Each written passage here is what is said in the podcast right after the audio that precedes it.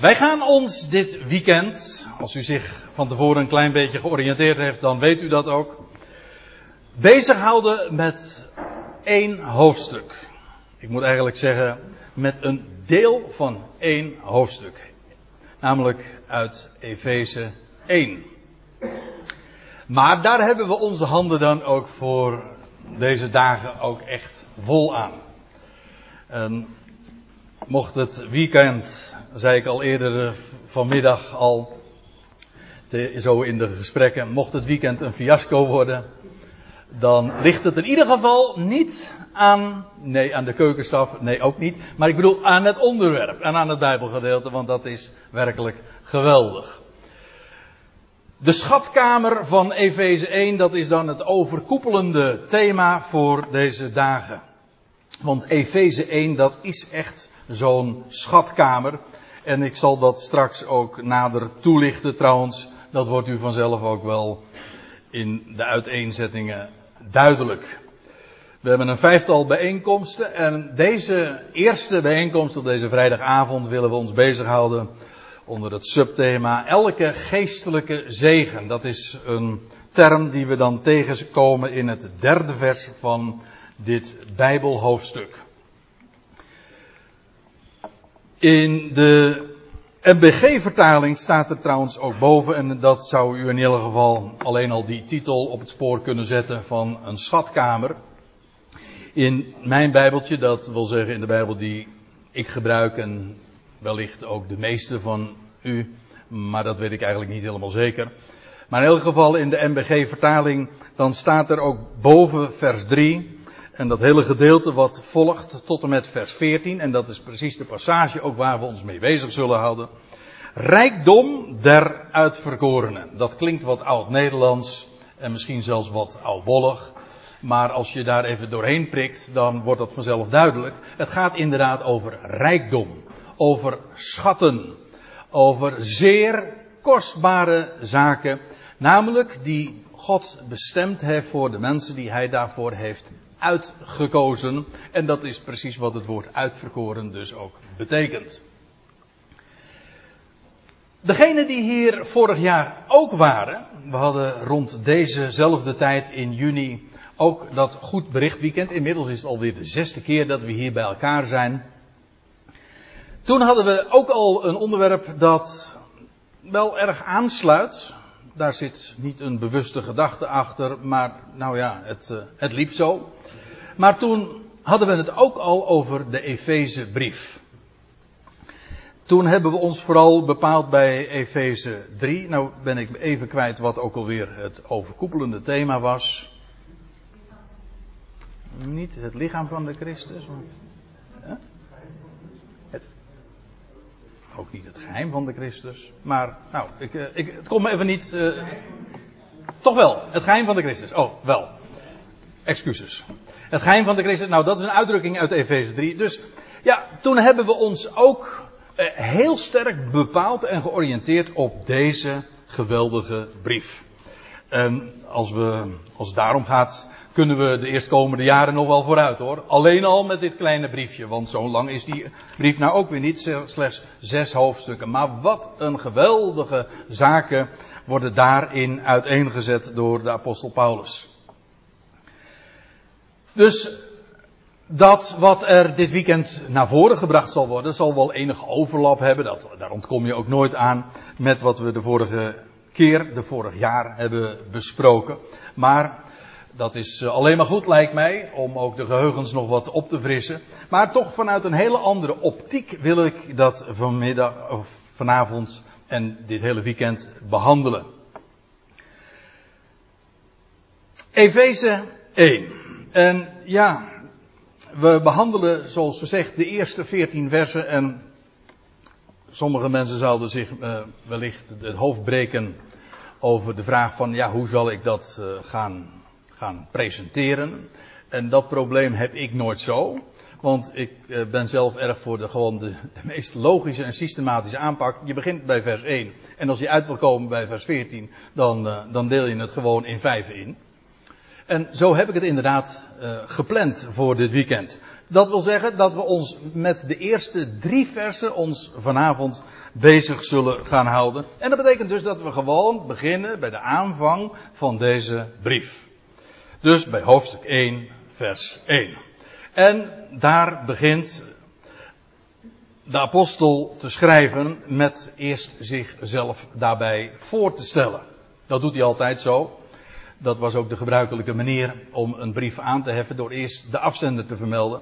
En dat is ook altijd het eerste wat je wil weten, per slotverrekening, als je een brief krijgt. Eerst, voordat je in de brief kijkt en de inhoud je ter harte wil nemen, dan wil je toch in ieder geval weten wie het jou schreef. En dus is uh, het vermelden van de afzender gewoon als allereerste een hele logische manier dus. En Paulus stelt zich daarbij voor en zijn naam, en dat is wel heel boeiend. En daar wil ik toch wat over vertellen. Omdat die naam van de apostel, degene die deze brief optekende, al zo heel veelzeggend is. En ook feitelijk een geweldige illustratie is. Zijn naam vertelt het verhaal feitelijk van wat zijn hele bediening is. Wat hij te melden had. Wat hij onder de natieën heeft geproclameerd, uiteengezet, in zijn brieven heeft geboekstaafd. Kortom, zijn naam vertelt ons wat hij te zeggen heeft. En dat is ook wel in het bijzonder het geval in deze brief. Deze brief heeft Paulus geschreven in de gevangenis. Diverse keren zegt hij dat ook in deze brief, hè, dat hij spreekt als een gevangene. Het begint in vers 1 van hoofdstuk 3 daarmee, hoofdstuk 4, vers 1 ook weer. En, en zo uh, refereert hij daar diverse keren aan. Hij is een gevangene. Maar dan die naam. En je kunt dat van eh, allerlei kanten benaderen, maar ik zal u dit vertellen. Zijn naam, waar die van origine mee bekend was, en zoals de Bijbel hem ook introduceert, was niet Paulus, maar was Saulus. En voor de eerste keer dat wij hem tegenkomen, dat is dan in, de geschiedschrijving van Lucas, in het boek Handelingen. En dan vind je hem inderdaad als Saulus, eh, die die zo'n fanatieke tegenstander was van die Jezus van Nazareth. Afijn, u kent dat verhaal of misschien niet. Maar in elk geval, hij wordt uh, in zijn nekvel gegrepen, om zo te zeggen. Uh, niet veel later, als hij dan op weg is naar Damascus om ook de christenen al daar te vervolgen, dan verschijnt de Heer zelf aan hem. In een hemelse lichtglans. Maar dan blijft hij nog steeds de naam Saulus behouden. En dat blijft, hij, dat blijft het geval tot hoofdstuk 13. En dan ineens in die, in die hele geschiedschrijving wordt Saulus, van de een op het andere moment wordt hij Paulus. Die naam Paulus, als je het eh, als met Griekse oren opvat, dan is dat afgeleid van een werkwoord en dat betekent stoppen. En Paulos, of Paulus betekent dan stopper. Iemand die doet stoppen dus. Of iemand die doet ophouden. En, en dat zal u dit weekend nog wel vaker van mij horen. Uh, we zullen er ook weer achter komen. En in dit geval is dat dus ook weer zo. Uh, ons, onze taal is doorspekt van allemaal bijbelse termen. Termen die rechtstreeks of indirect afkomstig zijn uit de Griekse taal. Ons woord pauze komt uit het Grieks. En pauze betekent dus ook gewoon een stopmoment. Dat is wat pauze betekent.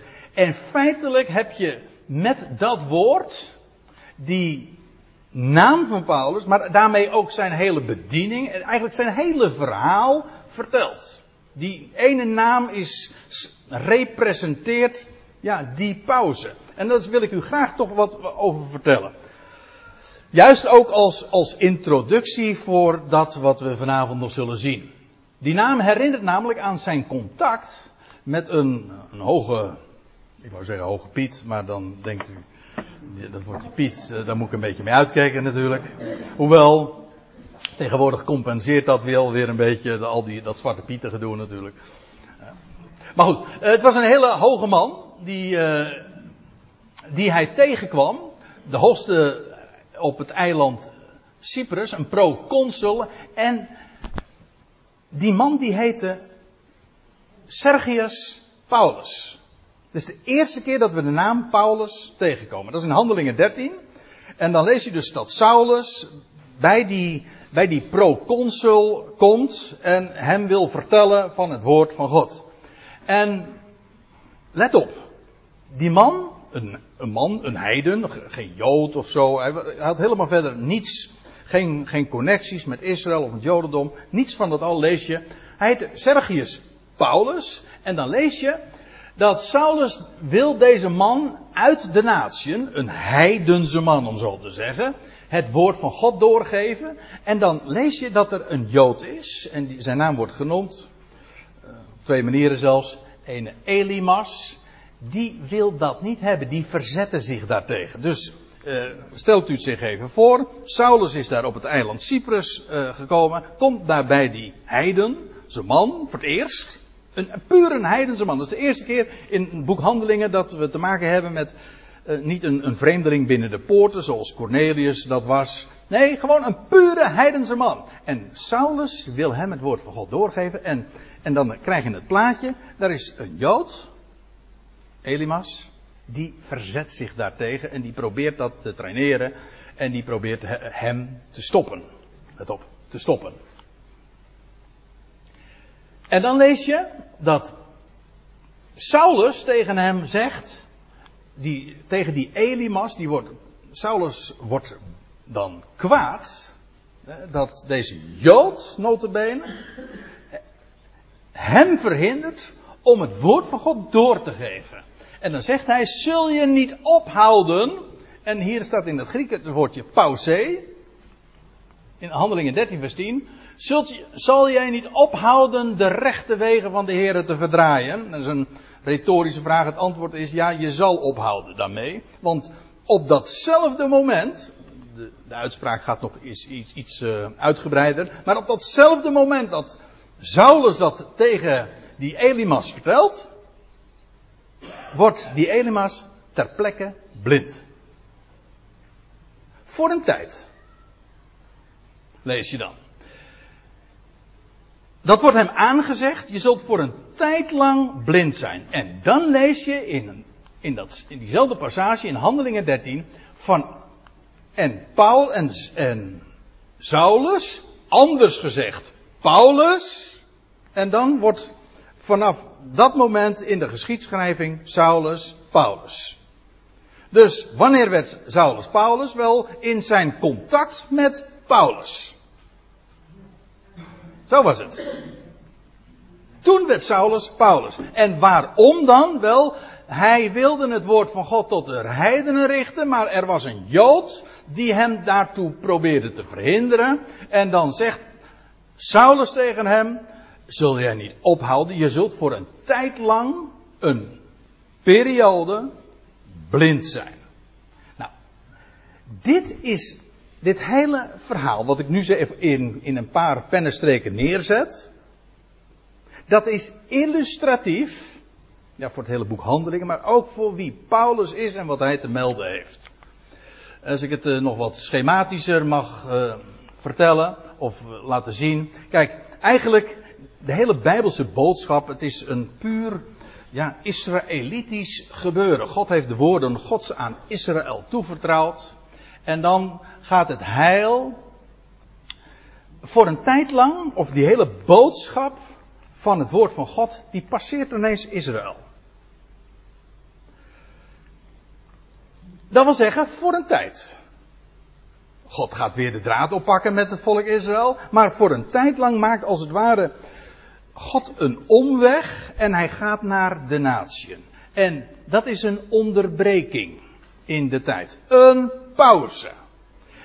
Feitelijk, die naam Paulus representeert de tegenwoordige tijd waarin God als het ware de stopwatch heeft ingedrukt en een pauze heeft ingelast. Er is een onderbreking. God opereert nu niet via het volk Israël. Dat gaat hij weer doen. Hij gaat de draad oppakken met het volk Israël en dan, dan gaan er geweldige dingen gebeuren. Maar nu is het een tijd van pauze. Een onderbreking. Het, nu gaat het ook niet om Israël, gaat het om de natie. Het uh, Israëlitische voorrechten spelen geen enkele rol. Wel, dat is de naam Paulus. Deze onderbreking, die begint in Handelingen 13. Dus, ja, als Paulus zich dan zo voorstelt in zijn brieven, en dus hier ook weer in Efeze 1, ja, dan zeg je van, nou, dan weten we in ieder geval met wie we verdoen hebben. Deze moet een naampje hebben enzovoort. Ja, dat soort, uh, dat soort verklaringen. Nee, als je het op die manier leest en wegverklaart, dan sla je toch echt de plank mis. Het is namelijk een heel verhaal. Dat illustreert met wie we van doen hebben. En God spreekt vandaag tot de natieën via dit kanaal. Via Paulus. In deze onderbreking, want dat is het, in de heilsgeschiedenis. God gaat weer de draad oppakken met zijn volk en met deze wereld. Nu niet. Nu is het een, even een heel apart verhaal. Een onderbreking, een intermezzo, of hoe u het ook maar noemen wil. Dat is dus Paulus. En deze brief gaat daar ook over. Over wat God vandaag doet.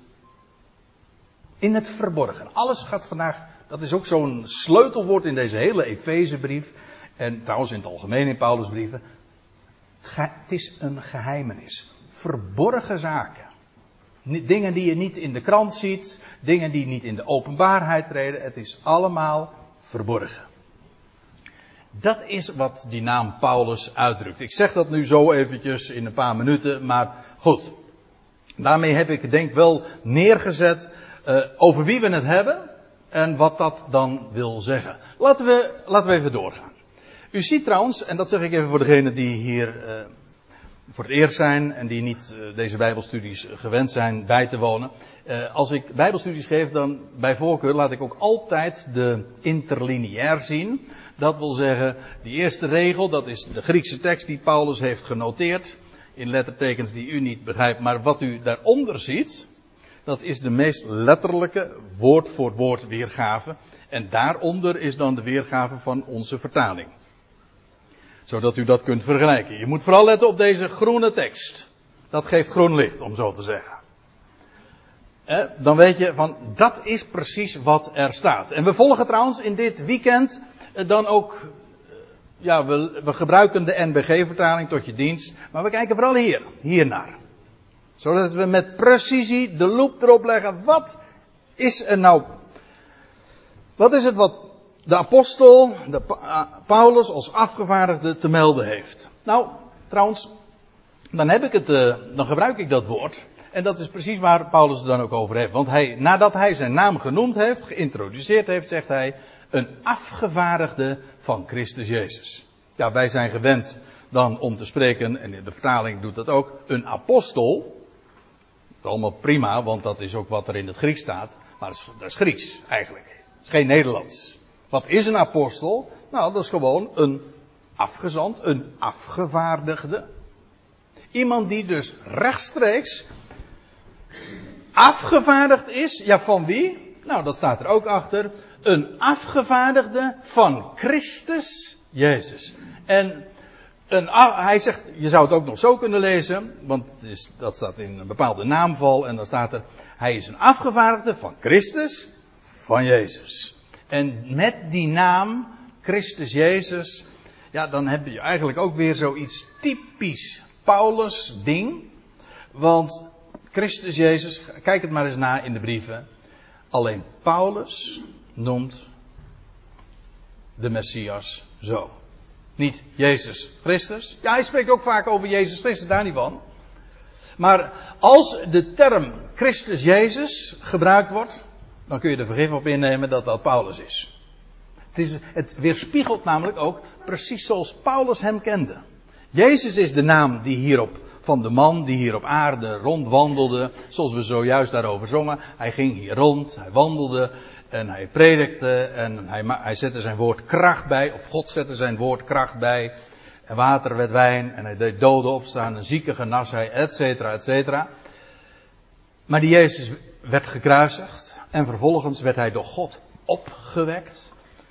Overladen of gezalfd met Gods geest. En zo stond hij op uit de doden. Dat wil zeggen, die term Christus verwijst naar hem die opstond uit de doden. Overgoten werd gezalfd werd met Gods geest, de geest kreeg. Hoort u wat ik zeg? Hij kreeg de geest. Dat wil zeggen, hij kreeg het leven. En sindsdien, sinds die derde dag, uit, uh, stond hij op uit het, uit het graf. En hij bracht leven aan het licht. Hij sterft nooit meer. Onvergankelijk leven bracht hij aan het licht. Wel, zo kende Paulus hem. Paulus kende Jezus hier op aarde niet. En voor zover hij hem al gekend zou hebben, hij zegt thans niet meer. Dat zegt hij in een van zijn brieven. Hij kende hem, hij werd toen overladen ooit hè, en overstraald met dat hemelse licht en de Christus, de opgewekte, de verheerlijkte, hemels licht en hij werd, hij werd gewoon op, op hetzelfde ogenblik ook blind. Zo overblindend, uh, groots en heerlijk als dat was. En wie bent u? Ik ben Jezus. Die hier op aarde rondwandelt, die jij vervolgt. Zo kende de, uh, Paulus hem als de Christus, die ooit hier op aarde Jezus was. Dus ook dat is weer veelzeggend. Je zou er zomaar overheen kunnen lezen. Doe dat niet. Dat is nou het grote voordeel als je zo'n weekend bij elkaar mag zijn. En een uur of vijf dan over een aantal versen leest. Dan kun je eens even de loop erop leggen. Wat staat er nou precies? En dan zal je, zal je gedacht zijn wat je dan allemaal op het spoor komt, man. Hij zegt, ik ben een afgevaardigde van Christus Jezus. En door wil van God. Of door Gods wil. Ja. Dat, ik, dat, is, daar klinkt zelfs iets uh, ironisch in door. Met andere, want ik, als ik dat lees, dan denk ik, en je kent de geschiedenis, dan weet je, ja, dat kun je wel zeggen. Het was door Gods wil. Het was niet zijn keuze. Hij zocht hem niet. En, maar Gods wil heeft Saulus van Tarsus compleet overroeld. En, het is niet, en de Heer heeft hem niet eens gevraagd van wil je mij volgen? Helemaal niets. Dat was niet eens. Hij, werd, hij zegt later in zijn brieven, uh, hij was overweldigd. Dus het was geen kwestie van een keuze. Een keuze veronderstelt dat je verschillende opties hebt en je zegt, nou nee, weet je wat, ik doe dat. Nee, dat was het helemaal niet. Als, je, als iets zo evident, zo groot, zo overweldigend is, dan is er geen sprake meer van keuze. Door, de door Gods wil werd hij overroeld en zo werd hij een afgevaardigde. En Christus Jezus, hij is daarboven, hij is ontrokken aan het oog, jawel, maar hij heeft zijn afgevaardigde onder de natieën gezonden.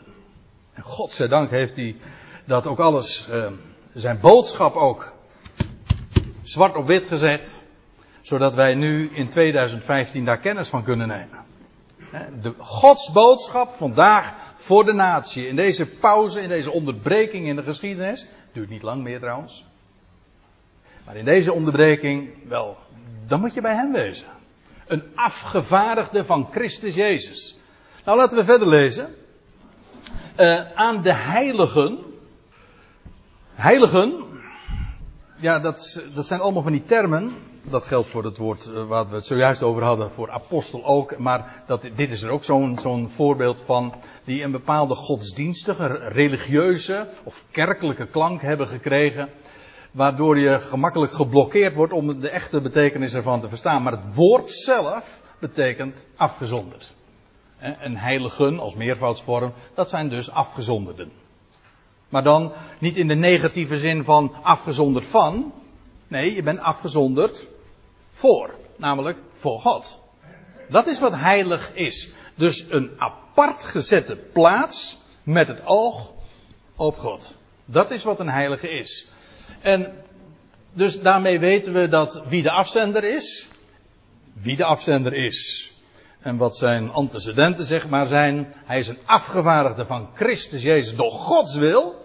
Vergis u niet. Wel, en hij richt deze brief aan afgezonderden. Aan mensen die apart gezet zijn voor God. En trouwens ook door God. Aan de heiligen en gelovigen in Christus Jezus die te Efeze zijn. En als u nu met mij meeleest vanaf het scherm. En trouwens eh, in heel wat bijbelvertalingen wordt dat er ook heel correct dan bij vermeld. Eh, dat die woorden te Efezen staan dan tussen vierkante haakjes. En wat geeft dat aan? Wel, dat betekent dat het hoogst onzeker is, om niet te zeggen twijfelachtig, dat die woorden oorspronkelijk zijn. Daar is wat discussie over. In de oude handschriften is in de meerderheid zijn die woorden niet terug te vinden. Te Efeze. Dus waarschijnlijk is dat, betreft het dan een later invoegsel. Uh, ja, toevoeg, een latere toevoeging dus. In ieder geval, de meerderheid van de tekstgetuigen die kent dit niet. Vandaar ook dat men het maar tussen haakjes gezet heeft. Zo voor wat het waard is. Nou, ik kan u vertellen, de meerderheid van de schrift, van de tekstgetuigen, uh, daarin ontbreekt het inderdaad. En, maar dan, dan, dan wordt de zin anders. Want dan krijg je deze zin, als je die woorden te Efeze dan gewoon weghaalt, omdat ze niet oorspronkelijk zijn, niet authentiek, dan krijg je dus aan de heiligen die ook gelovigen zijn in Christus Jezus. En ik moet u zeggen, ik vind deze adressering prachtig. Als nou die woorden te Efeze ontbreken, dan wordt deze brief ineens zo ja, verstrekkend. Dat is, men, dat is ook de conclusie die men heeft getrokken en dat is, men heeft gezegd, het is, betreft een rondzendbrief. Dus niet specifiek aan één gemeente gericht. Nee, aan wie is het dan wel gericht? Nou, aan mensen die apart gezet zijn voor God. Dat is wat heiligen zijn. En eh, wat zijn dat dan? Wel, die ook gelovigen zijn in Christus Jezus. Die term in Christus Jezus, die zullen we nog, of termen van gelijke uh, orde, die zullen we in deze bijeenkomsten nog vaak tegenkomen. Alleen in dit hoofdstuk vind je al vele keren dat dat zo gezegd wordt. In Hem, in Christus, in Christus Jezus. Wel, deze heiligen zijn gelovigen. Sommigen hebben het vertaald met betrouwbaren. Ook dat kan de Griekse betekenis van het woord is, is breed genoeg om dat ook in zich te hebben. Eigenlijk een geloof, wat is een gelovige? Dat is wel mooi om daaraan te denken. Een gelovige, dat is niet iemand die een, serie dogma's of een serie leerstellingen zo onderschrijft en zegt van nou, uh, daar zet ik mijn handtekening onder. Nee, een gelovige, dat is eigenlijk iemand die vertrouwt. Geloven is vertrouwen. En dat is, dat is uh, veel meer dan alleen maar iets, uh, een, een serie leerstellingen onderschrijven. Je vertrouwen op iemand stellen. Iemands woord beamen. Dat, in het Hebreeuwse heb je dan uh, inderdaad het woordje amen. Abraham geloofde God. Abraham zei amen op wat God sprak. Kijk, dat is geloof vertrouwen. Je vertrouwen. God beloofde aan Abraham: zo zal jouw nageslacht zijn als de sterren van de hemel. Abraham wist absoluut niet hoe of wanneer. En hij wist eigenlijk helemaal niks daarvan. Maar God zei het. Nou, dan zal het wel zo zijn. Dat is vertrouwen. Ik weet, ik weet niet hoe, maar dat is mijn zaak ook niet. Als hij het belooft, dan gebeurt het gewoon punt. Dus kijk, dat is vertrouwen. En deze, aan de brief is de, uh, gericht aan mensen die apart gezet zijn voor God. Hoezo? Wel, ze vertrouwen in Christus Jezus.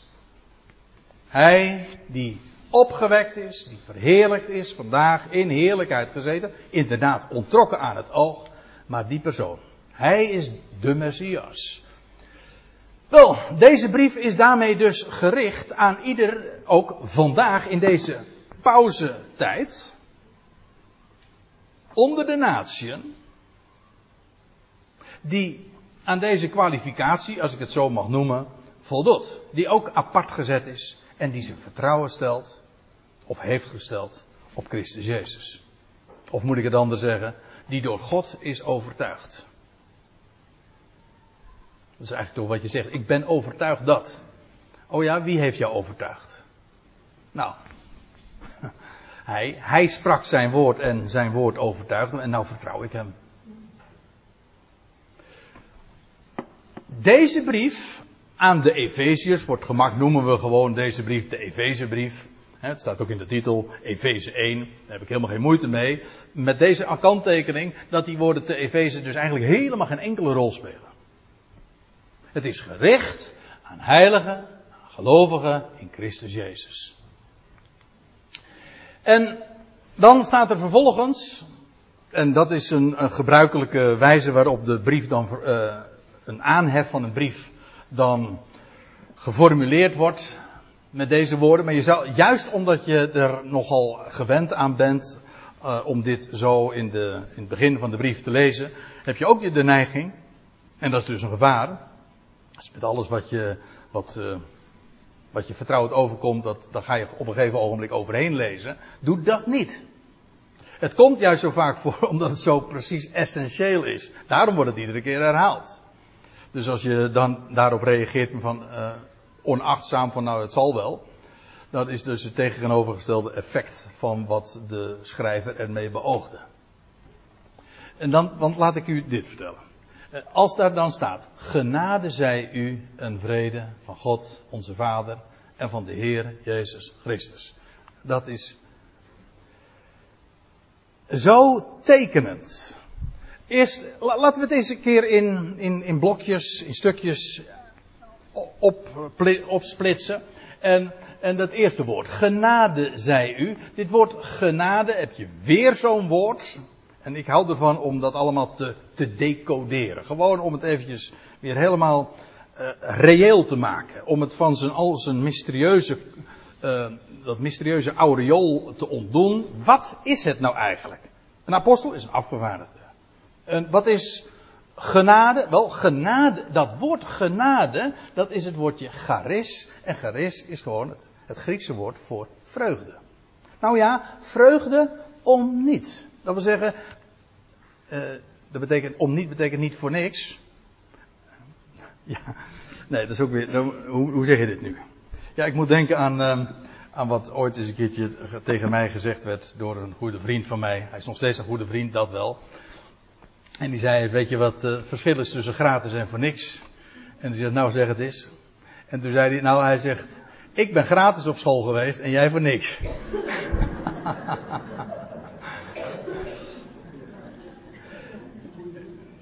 Maar hoe, hoe, hoe zet ik het nou nog recht, hè? Maar u begrijpt wel de bedoeling. Voor niets, bedoel, met om niet bedoel ik uiteraard mee, je hoeft er niets voor te betalen. Je kunt het ook niet kopen trouwens. Um, zoals de Engelsen zeggen, the best things in life are free. En dat is ook zo. Als de zaken die er echt toe doen in het bestaan, in ons leven, die kun je niet kopen. En dan kun je schat hemelrijk zijn en geld op de bank hebben maar je zal maar niet gezond zijn, een ernstige ziekte hebben of zoiets. Wat heb je eraan? Die vreugde om niet, dat wil, want de Grieken gebruikten die term uh, of veel, ook heel breed. Dus ook weer niet godsdienstig, maar gewoon uh, heel concreet. Kijk, als, als je geniet, hè, je, je maakt een wandeling door, hier door de, door de bossen, dan kan dat soms je zomaar overvallen die, zo'n zo'n vreugde van, wauw. Dat je zo blij maakt. Het, het zonlicht, de, de kleuren in de natuur, de, de oceaan die, die, die, waarvan je de golven hoort. Weet je, dat, dat ontzagwekkende, maar dat ook zo, soms je kan overstelpen met vreugde. Maar ook gewoon een glas wijn waarvan je geniet. Gewoon de goede dingen van het leven. En dat is vreugde gewoon om niet. Je bent er blij om zonder dat je het kan kopen. Het, het overkomt je. Dat is, dat is. Genade of dat is vreugde om niet.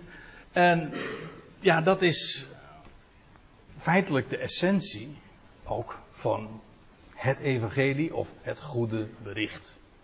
Genade. God maakt blij.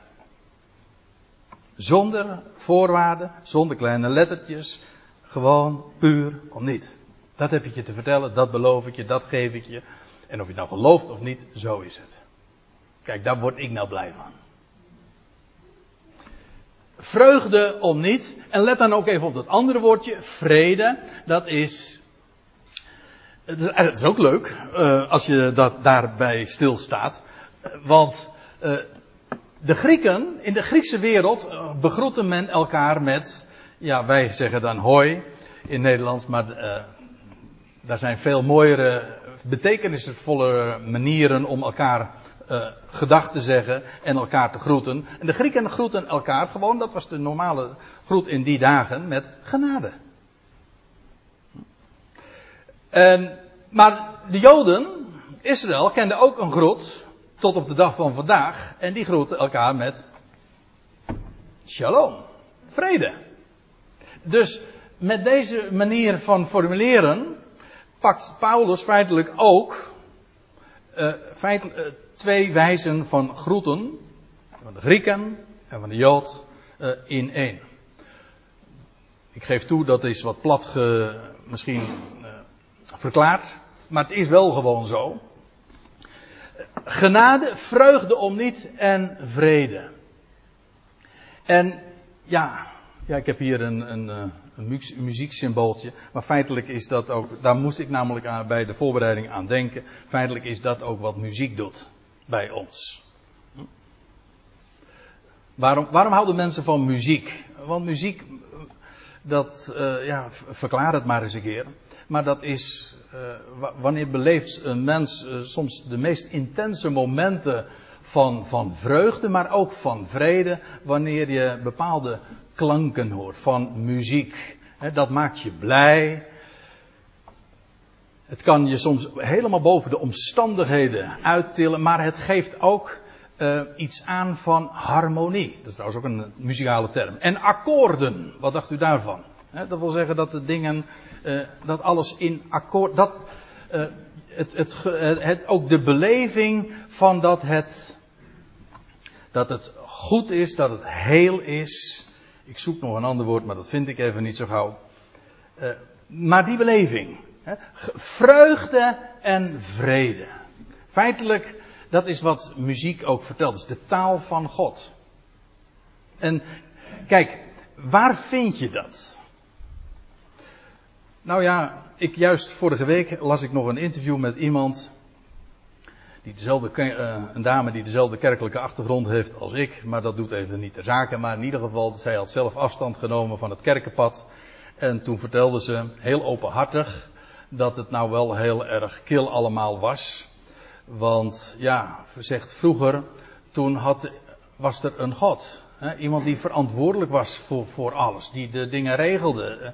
En die eh, die zin en doel aan je bestaan gegeven. En, en, dat heb ik niet meer. Het is allemaal voor niks.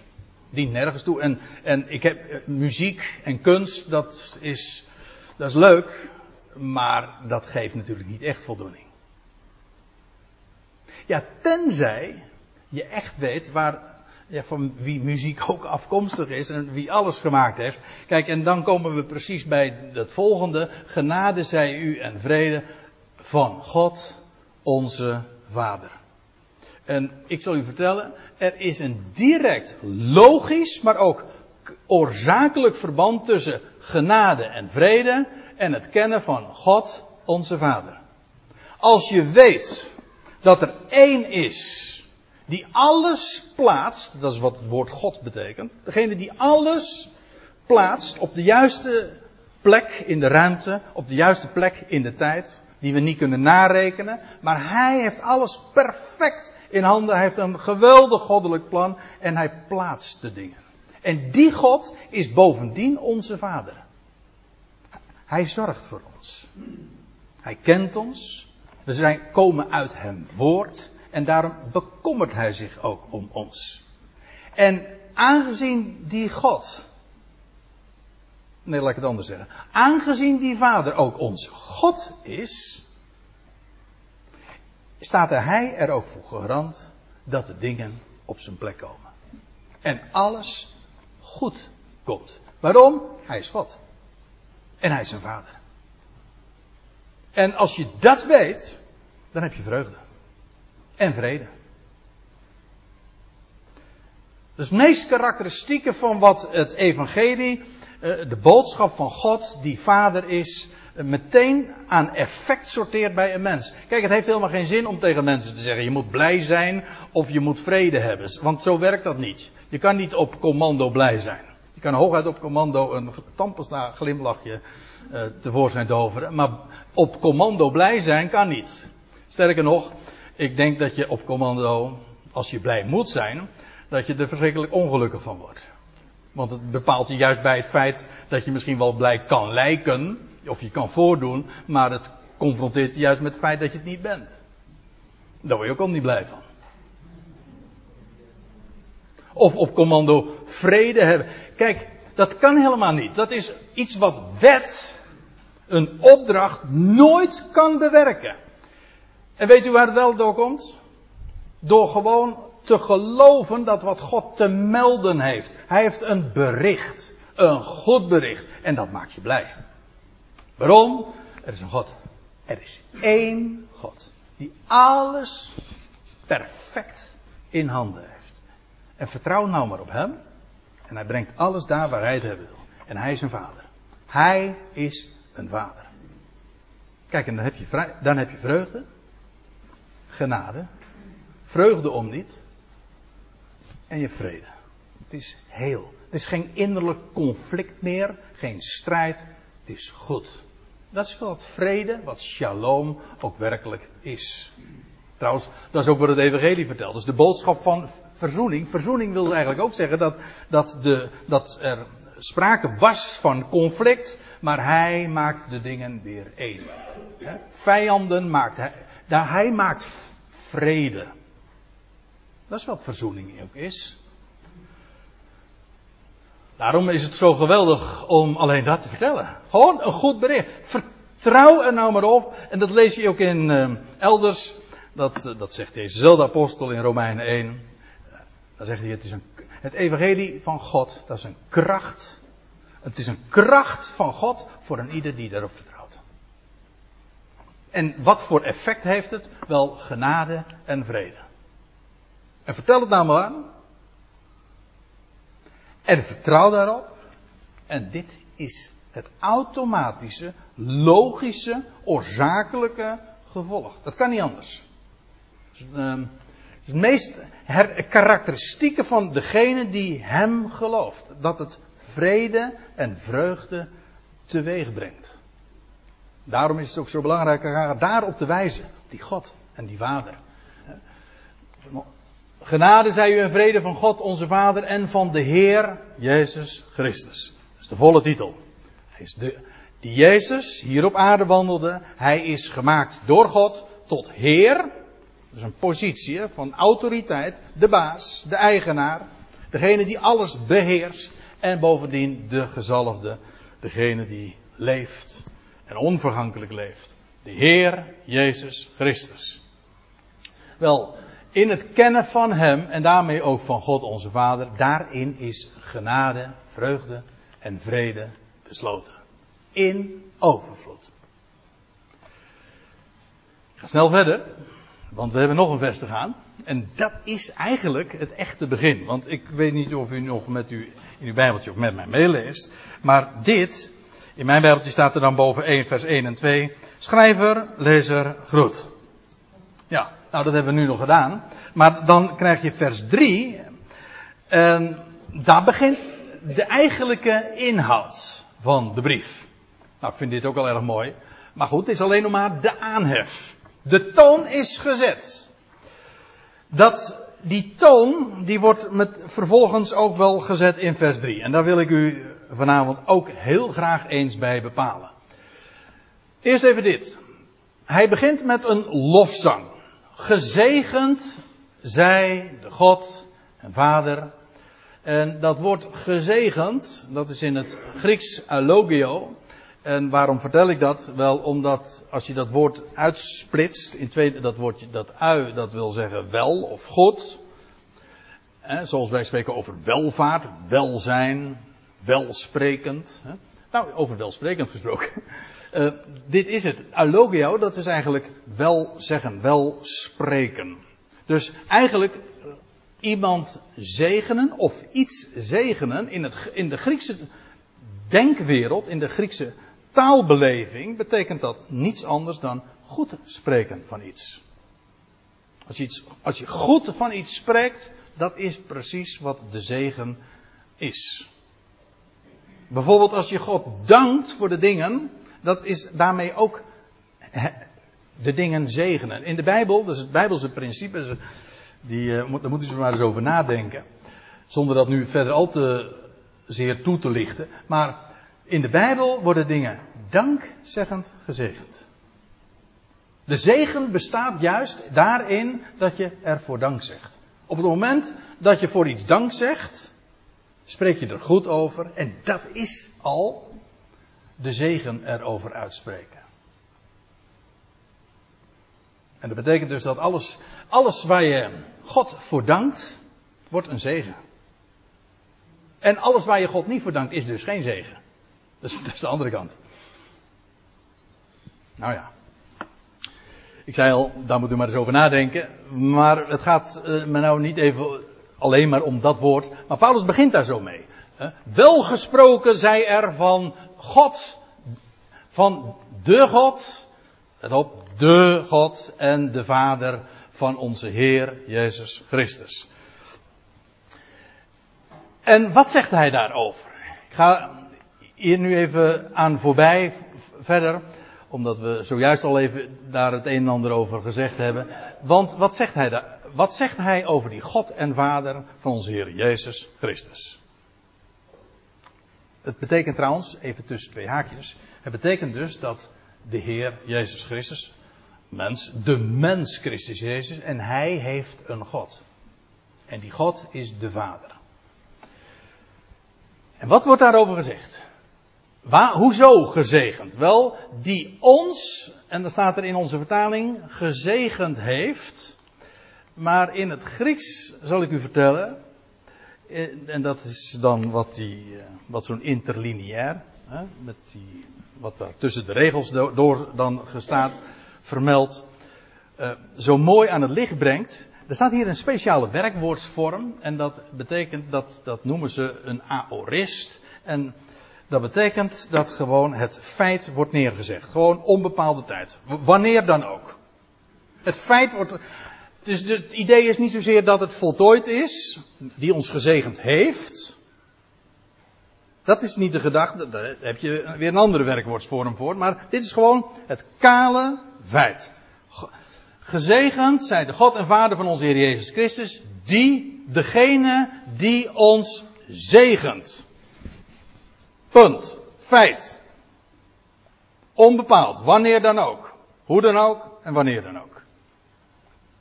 Hij zegent ons. En dan. Uh, hij zegent ons en dan staat er in onze vertaling. En ja, u zult dat van mij maar moeten slikken. En ik excuseer me daar maar een beetje mee, maar dat is het grote risico als je dan zo'n interlineair gebruikt. Dan moet ik wel eens een keertje aanmerkingen leveren op de vertalingen. En dat is, niet, dat is helemaal geen aanval op de vertalers, totaal niet. Maar ja, wij willen gewoon weten, niet zozeer wat de vertalers ervan dachten, maar wat de schrift, of laat ik het anders zeggen, zoals Paulus het heeft opgetekend. Zoals God hem ook geïnspireerd heeft dat op te schrijven. Daar zo dicht als mogelijk bij te komen. En ja, dan moeten we soms wel eens een keertje. Sommigen zullen misschien denken van, nou dit is wel erg kar, uh, een korrel zout op, een, op slakken leggen. Nou, dat, dat staat te bezien. Er staat hier niet met, maar in. En in verband met het meervoud is het dan, dikwijls heeft dat dan de betekenis van te midden van. Die ons zegent in of te midden, te midden van ja, dan staat er allerlei geestelijke zegen. Maar ja, dan heb je weer zoiets. In onze vertaling staat allerlei. Ik weet niet eens, ik heb het niet nagekeken hoe het in de Statenvertaling is. Die schreef het ook zo weer. Alle. Kijk, dat, dat is taal naar mijn hart, want dat is precies wat er ook staat. niet, eh, dit, is, dit is nou typisch zo'n zo'n typisch menselijke reductie aanleg op de tekst. Paulus zegt, gebruikt nogal een, een, een universele term. Elke of alle geestelijke zegen. Nou, dat lijkt me wel heel erg gortig hoor. Ik, zie, ik zie het de vertalers denken. Nou, alle. Uh, uh, laten we hem iets bescheidener uitdrukken. Maar dat is niet wat een vertaler geacht wordt te doen die, een vertaler die hoort gewoon weer te geven wat, wat de brontekst vertelt. Wel, en dan staat er niet allerlei, maar staat elke.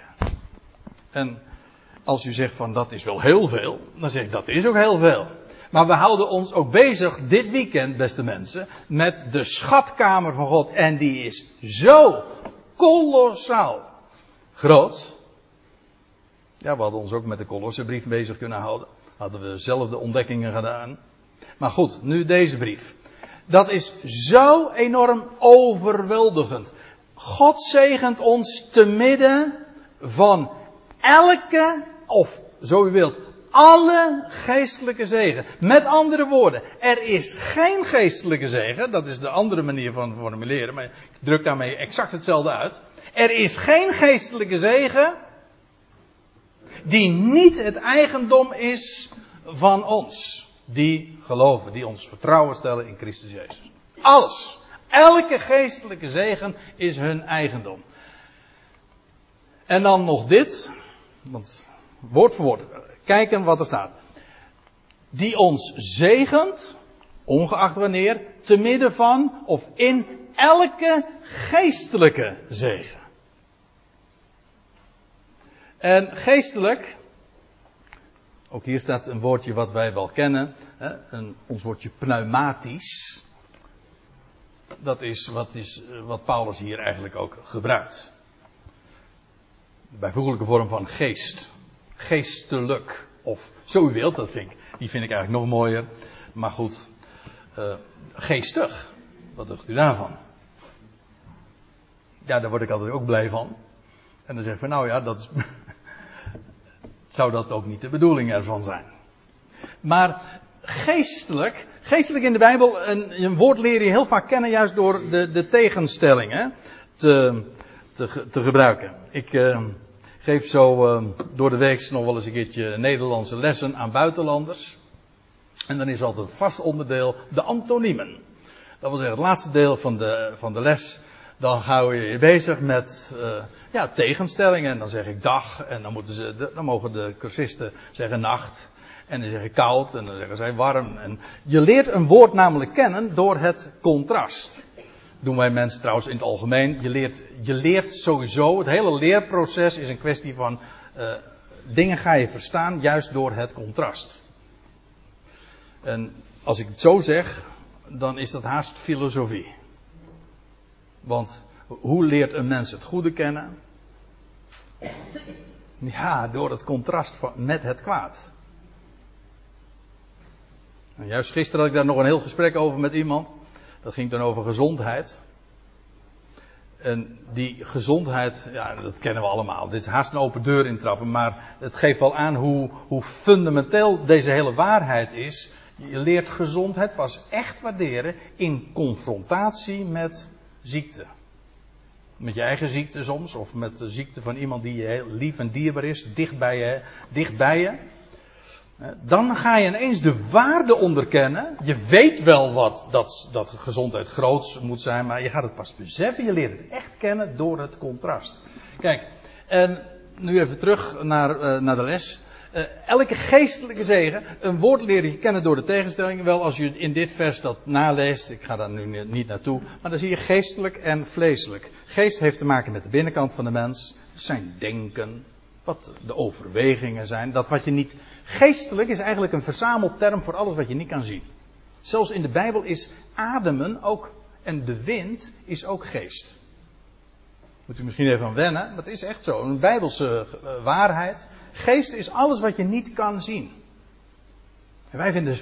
En vleeselijk, ja, dat is gewoon dat wat we hier van elkaar zien. Gewoon met deze ogen, de vleeselijke ogen. Maar soms gaat er ook, kun je met je geestelijke ogen dingen zien. Echt gaan verstaan. Kijk, dat is, dat is het verschil. Geestelijk, vleeselijk. Er is ook nog een andere tegenstelling, geestelijk en ziels. Daar worden we niet erg in geholpen in onze vertalingen, maar die geven dat dan weer anders weer. Maar geest en ziel. Wij, wij uh, Nederlanders, trouwens in het algemeen, uh, begrijpen dat niet zo erg meer goed. En wij gooien geestelijk en vleeselijk, of geestelijk en ziels is allemaal hetzelfde. Is er een verschil tussen geest en ziel? Vraag het maar eens een keertje aan mensen.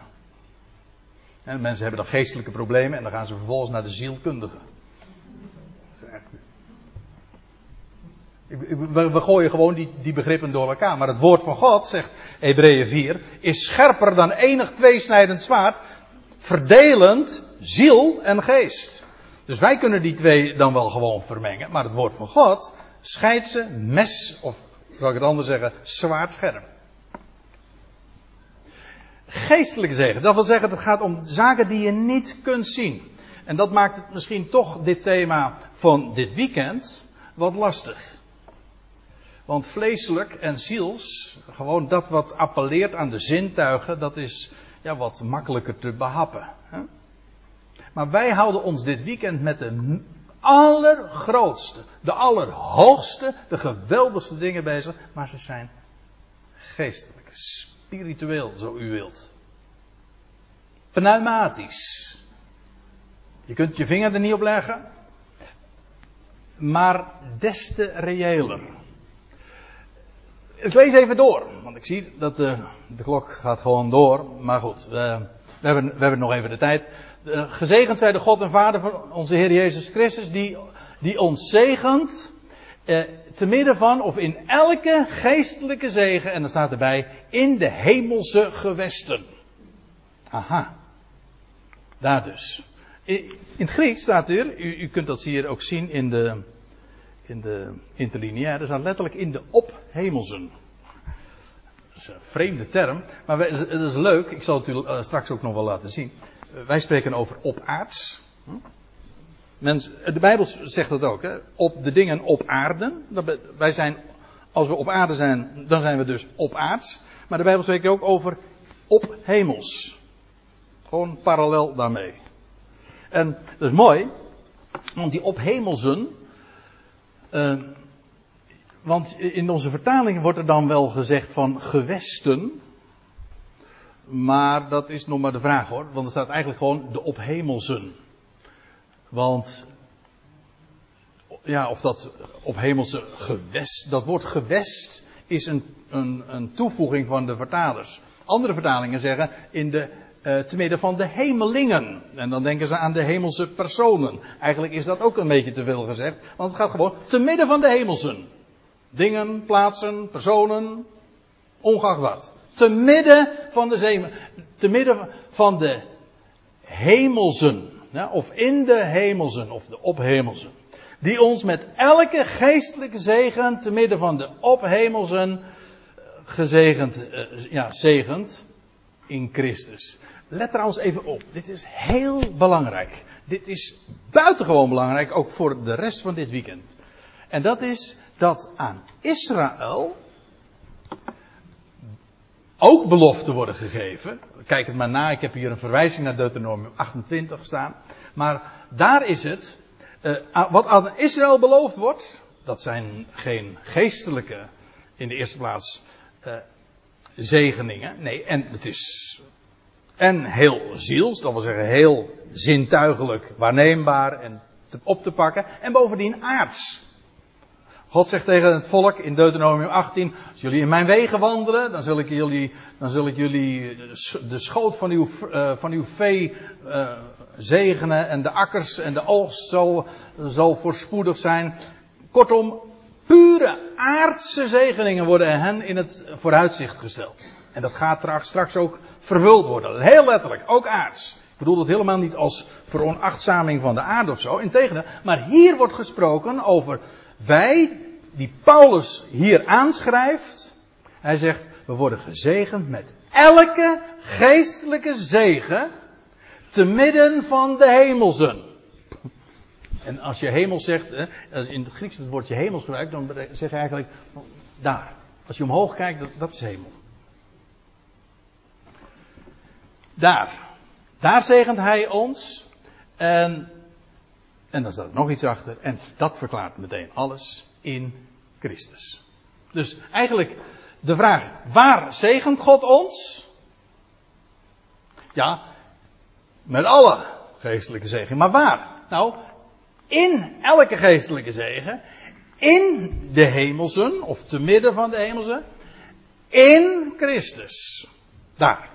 Dus als je nou wil weten waar is die zegen, of waar is al die geestelijke zegen verankerd? Waar bevindt hij zich? Wel, hier wordt een drievoudig antwoord in dit, eh, deze zin gegeven. In, te midden van geestelijke zegen, te midden van de hemelsen en in Christus. En dan neem ik u mee naar een paar plaatsen waarin diezelfde, dezezelfde brief daarover gesproken wordt. Over die, over die plaats. Want als we het hebben over onze zegen. De essentie van wat Paulus vertelt is wij als gelovigen, wij die vertrouwen op Hem, die zijn één gemaakt met Hem. Als hoofd en lichaam. Zo één gemaakt.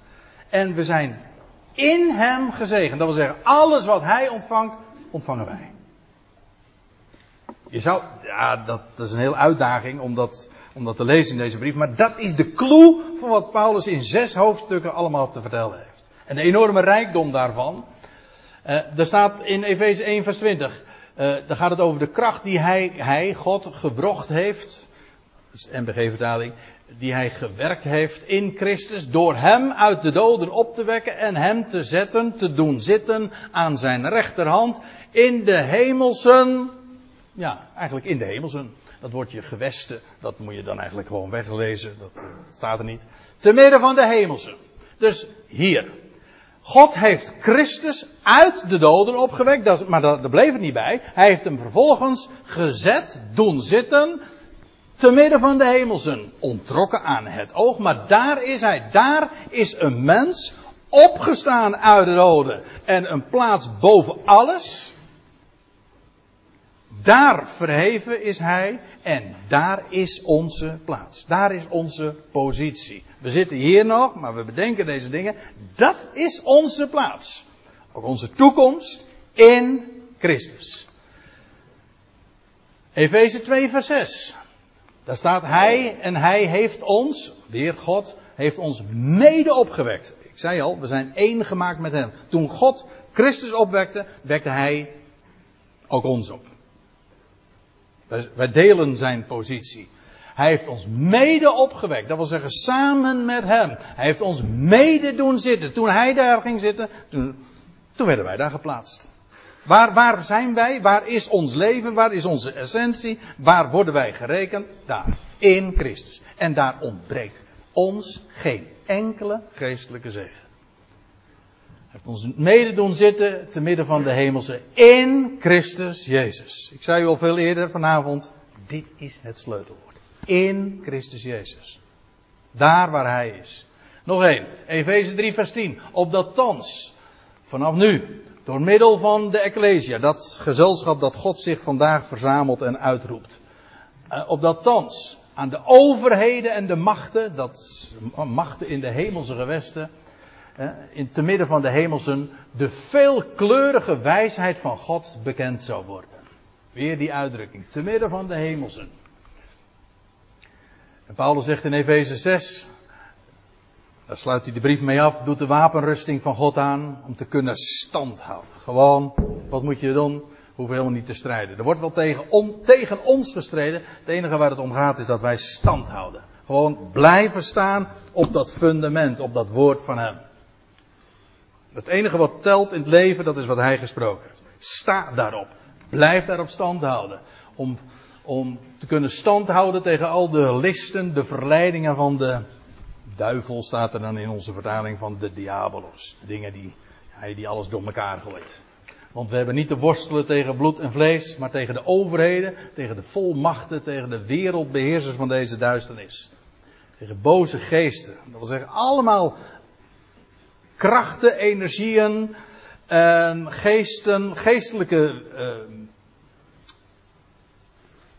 geestelijke wezens en autoriteiten die zich allemaal aan onze waarneming onttrekken, maar niet niettemin de touwtjes hier op aarde in handen hebben. Daarmee hebben we van doen. Eigenlijk zij zijn onze concurrenten. Wij zijn bestemd om hun plaats straks te gaan innemen. Nou, daarover wil ik uh, dit weekend nog veel meer uh, vertellen. Uh, ik denk wel dat hier met, deze uiteenzetting, zo deze, wat we nu gezien hebben in deze drie versen, uh, de toon gezet is op, de, op deze hoogte. Hè? Met recht. Op deze hoogte. Nou, dat is hoog hoor.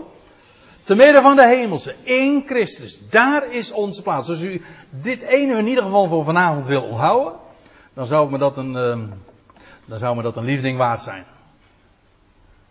En ik kan me voorstellen dat u zegt van nou, dit is, uh, ik sta graag met mijn voeten op de aarde. Dan zeg ik ja, ik ook. Dat sta ik ook trouwens. Maar dan zeg ik erbij, en dat zeg, bedoel ik heel dubbelzinnig, met mijn hoofd in de hemel. En waarom ik dat dubbelzinnig bedoel, nou, daar gaan we het later over hebben. Eh, laat, ik nog, laat ik mogen afsluiten met woorden die we lezen in Colossense 3. Daar zegt Paulus, indien jullie dan samen met de Christus opgewekt zijn, zoekt de dingen omhoog. Waar de Christus is, gezeten aan de rechterhand van de God. Bedenk de dingen omhoog, niet die op de aarde zijn. Want jullie sterven, dat wil zeggen samen met Hem. En het leven van jullie is verborgen. Samen met de Christus. In de God. En daar wil ik het voor vanavond maar bij laten. Want ik zie dat het inmiddels al tien over half tien is.